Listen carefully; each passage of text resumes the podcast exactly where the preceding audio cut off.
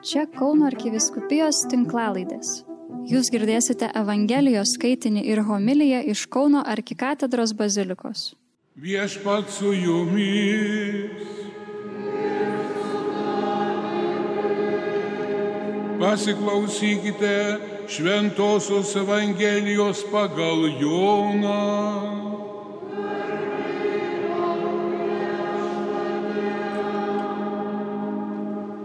Jėzus bylojo savo mokiniams. Dar daugel jums turėčiau kalbėti, bet dabar jūs negalite pakelti. Kai ateis toji tiesos dvasia, jūs įves į tiesos pilnatvę. Ji nekalbės iš savęs, bet skelbs, ką bus išgirdusi ir praneš, kas dar turi įvykti. Ji pašlovins mane, nes ims iš to, kas mano, ir jums tai paskelbs. Visa, ką tėvas turi, yra ir mano. Todėl aš pasakiau, kad ji ims iš to, kas mano, ir jums tai paskelbs. Girdėjote viešpaties žodį.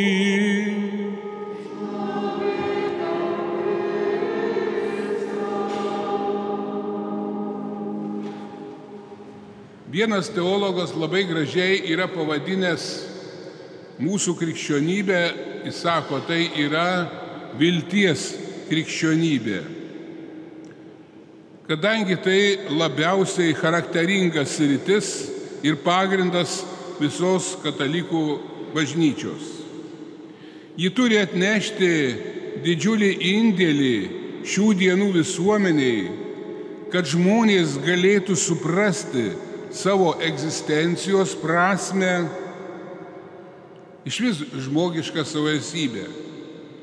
Krikščioniškas dvasingumas tai vilties dvasingumas, vilties, kuria mes kasdien gyvename, bet ji iki galo dar mūsų gyvenime nėra realizuota.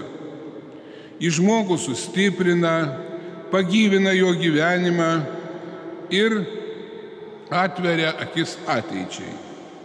Ji padeda labiau pažinti Dievą, pažinti artimą ir pažinti Dievo veikimą mūsų kasdieniniam gyvenime.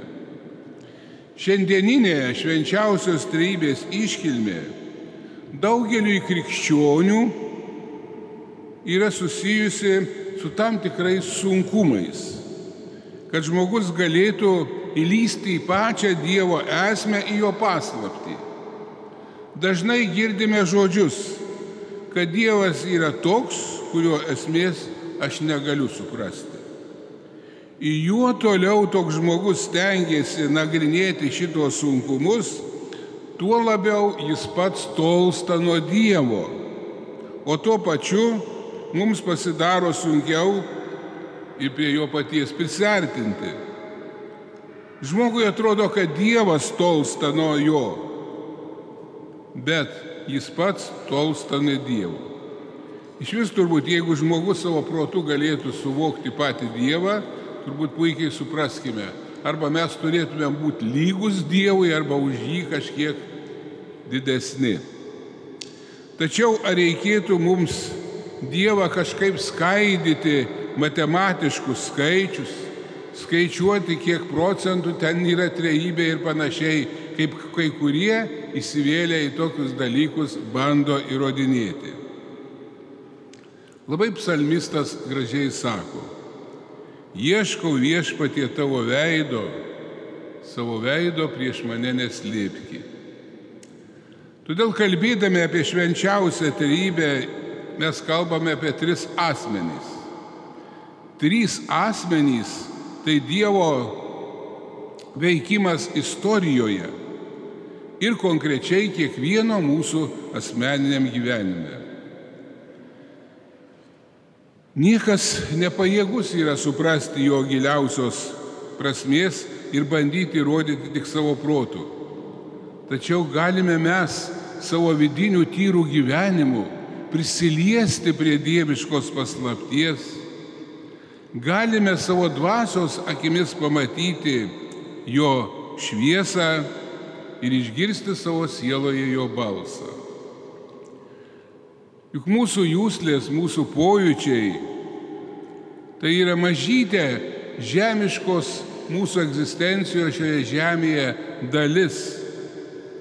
Apaštalas labai gražiai juk yra pasakęs, dabar mes regime tarsi prorūkus kažką tai, o tada po mirties regėsime Dievą veidus, veidą akis į akį. Bet regėsime ne tomis akimis, kurios dabar žemiškam gyvenime turime kad būtų kažkiek suprantamiau, bandykime kiekvienas įsivaizduoti aklojo gyvenimą. Pavyzdžiui, jis niekada nematė savo akimis, ar ne, bet koks sudėtingas ir didingas yra jo vidinio pasaulio regėjimas viso pasaulio ir visos tikrovės. Todėl išgirdus šitą žodį paslaptis, mums asocijuojasi sąmoniai daugybė klausimų, kažkokie tikrai pasidaro labirintai, žmogaus intelektas tarsi, kai vienas yra pasakęs, sproksta nuo tokio mąstymo. Šiandieninis mokslas taip atskleidė galybę įvairiausių paslapčių, bet tai palyginus su tuo, ko žmogus nežino ir niekad neturės galimybės šitų dalykų atsiskleisti, patys suprantam, kai mes va, mano amžiaus mokėmės dar mokykloje, ne, buvo kalbama apie aukščių taką, taip, gal vieną kitą galaktiką, štai dabar tos galaktikos skaičiuojamos milijonais, milijardai šviesmečių, viešpatė, kokia begalybė, arba mikrokosmosas, kada mums buvo aiškinama, kad yra, prisimenat, brandolys, skrieja elektronai, yra molekulė. Taip dabar pats mokslas dar nėra čia taręs ir niekada nedais galutinio rezultato apie visą tai, kas yra mūsų kosmose. Todėl Dievas mums leidžiasi pažįstamas per kūrinyje, bet jis pats visada išlieka, išliks paslaptis. Čia kaip tik atsiskleidžia mūsų žmogiškas ribotumas, kad mes esame mažyčiai, mažyčiai Dievo tvarinėliai. Iš tikrųjų, savo dvasia mes esame didingi, mes esame sukurti nemirtingi. Dievą mes pažįstame tik tai tiek, kiek jis pats leidžia mums būti pažįstamiems. Kitaip sakant, kiek mes patys savo vidinių gražių dvasinių gyvenimų prie jo prieartėjame. Dievas atsiskleidžia kūrinyjoje panašiai, kaip menininkas, turėdamas savo idėją, atsiskleidžia savo paveikslę, skulptūroje ar panašiai. Pagaliau Dievas parodė save Jėzaus Kristaus asmenyje jau mums regimų būdų. Jo lūpomis išgirdome, kad jis yra triesmenis. Jėzus mums kalba apie savo amžinąjį tėvą, kuris jį siuntė į žemę. Apaštalas Pilypas kartą paprašė Jėzaus, viešpatė, parodyk mums tėvą ir bus mums gana. Ką Jėzus atsakė? jau tiek laiko esu su jumis ir tu pilypai vis dar manęs nepažįsti. Kas yra matęs mane, yra matęs ir tėvą. Jėzus kalba ir apie trečią išvenčiausios trybės asmenį. Ji ims iš to, kas mano, ir jums paskelbs. Švenčiausios trybės tiesa žmogaus protui tai neįsprendžiama paslaptis. Tai nėra kažkokia tik tai filosofinė abstrakcija. Ši paslaptis giliai paliečia mūsų kiekvieno vidinį asmeninį gyvenimą. Giliau pamaščius apie šią tiesą, mums patiems tada atsiskleidžia mūsų asmeniam gyvenime tas didysis Dievo planas. Žmogui yra skirta būti Dievo vaiku ir gyventi dievišką į gyvenimą. Krikšto sakramento metu mes tapome nauji kūriniai, esame įjungti į Dievo vaikų šeimą. Tarp mūsų ir Dievo atsirado ypatingas ryšys, kurio negali nutraukti net mirtis. Jau čia žemėje galime gyventi dieviškų gyvenimų, kuris pilnai išsiskleis tik tai amžinybėje. Ne pasaka, o tikra tiesa, kad žmogus gali tapti Dievo buveinė. Paslaptingų būdų Dievas gali būti žmoguje. Štai kaip Jėzus sakė, jei kas mane myli, laikysis mano žodžio ir mano tėvas jį mylės, mes pas jį ateisime ir apsigyvensime. Tad kokie brangieji mes turime būti dingi, nes Dievą galime ir garbinti, ir Dievą privalome mylėti. Tad kokie kristaliniai tyri turėtume mes būti savo dvasioje, kad ne tik tai atrodytumėm kitiems kaip geri katalikai, bet kad iš tikrųjų tokie būtume.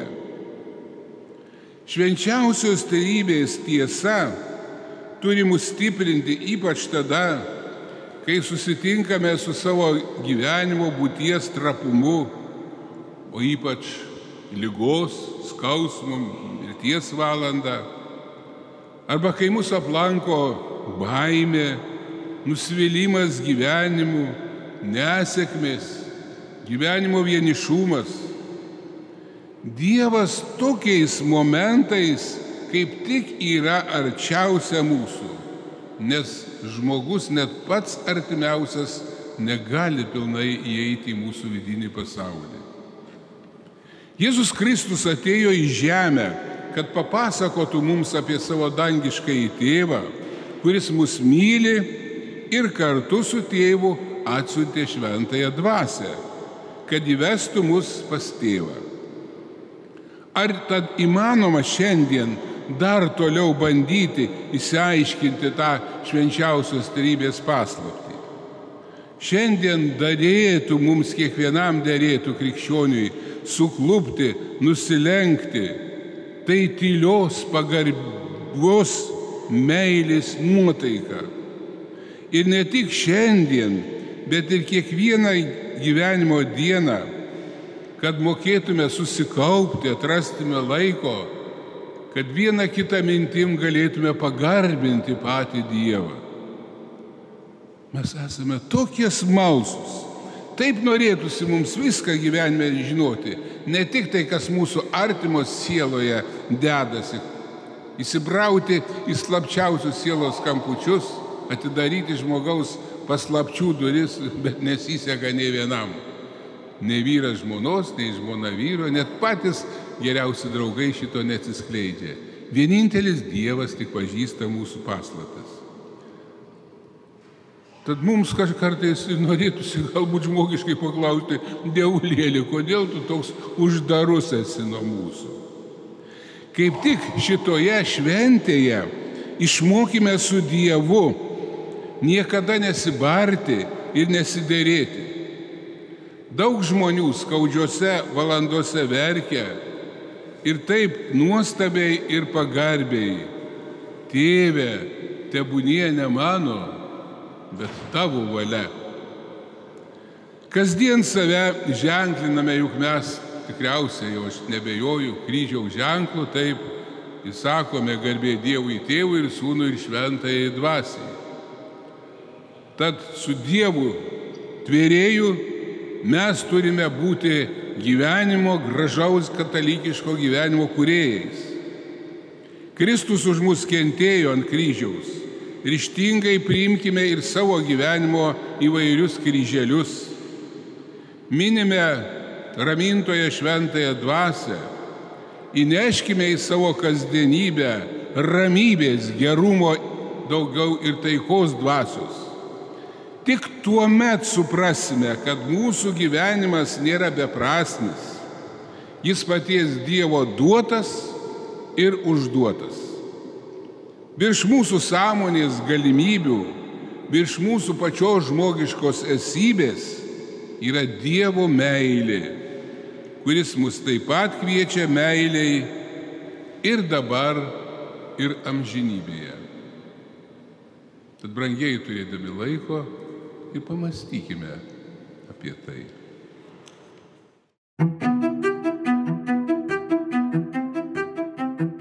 Jūs girdėjote Evangelijos skaitinį ir homiliją iš Kauno arkikatedros bazilikos. Čia Kauno arkiviskupijos tinklalaidės. Sekite mus ir prenumeruokite.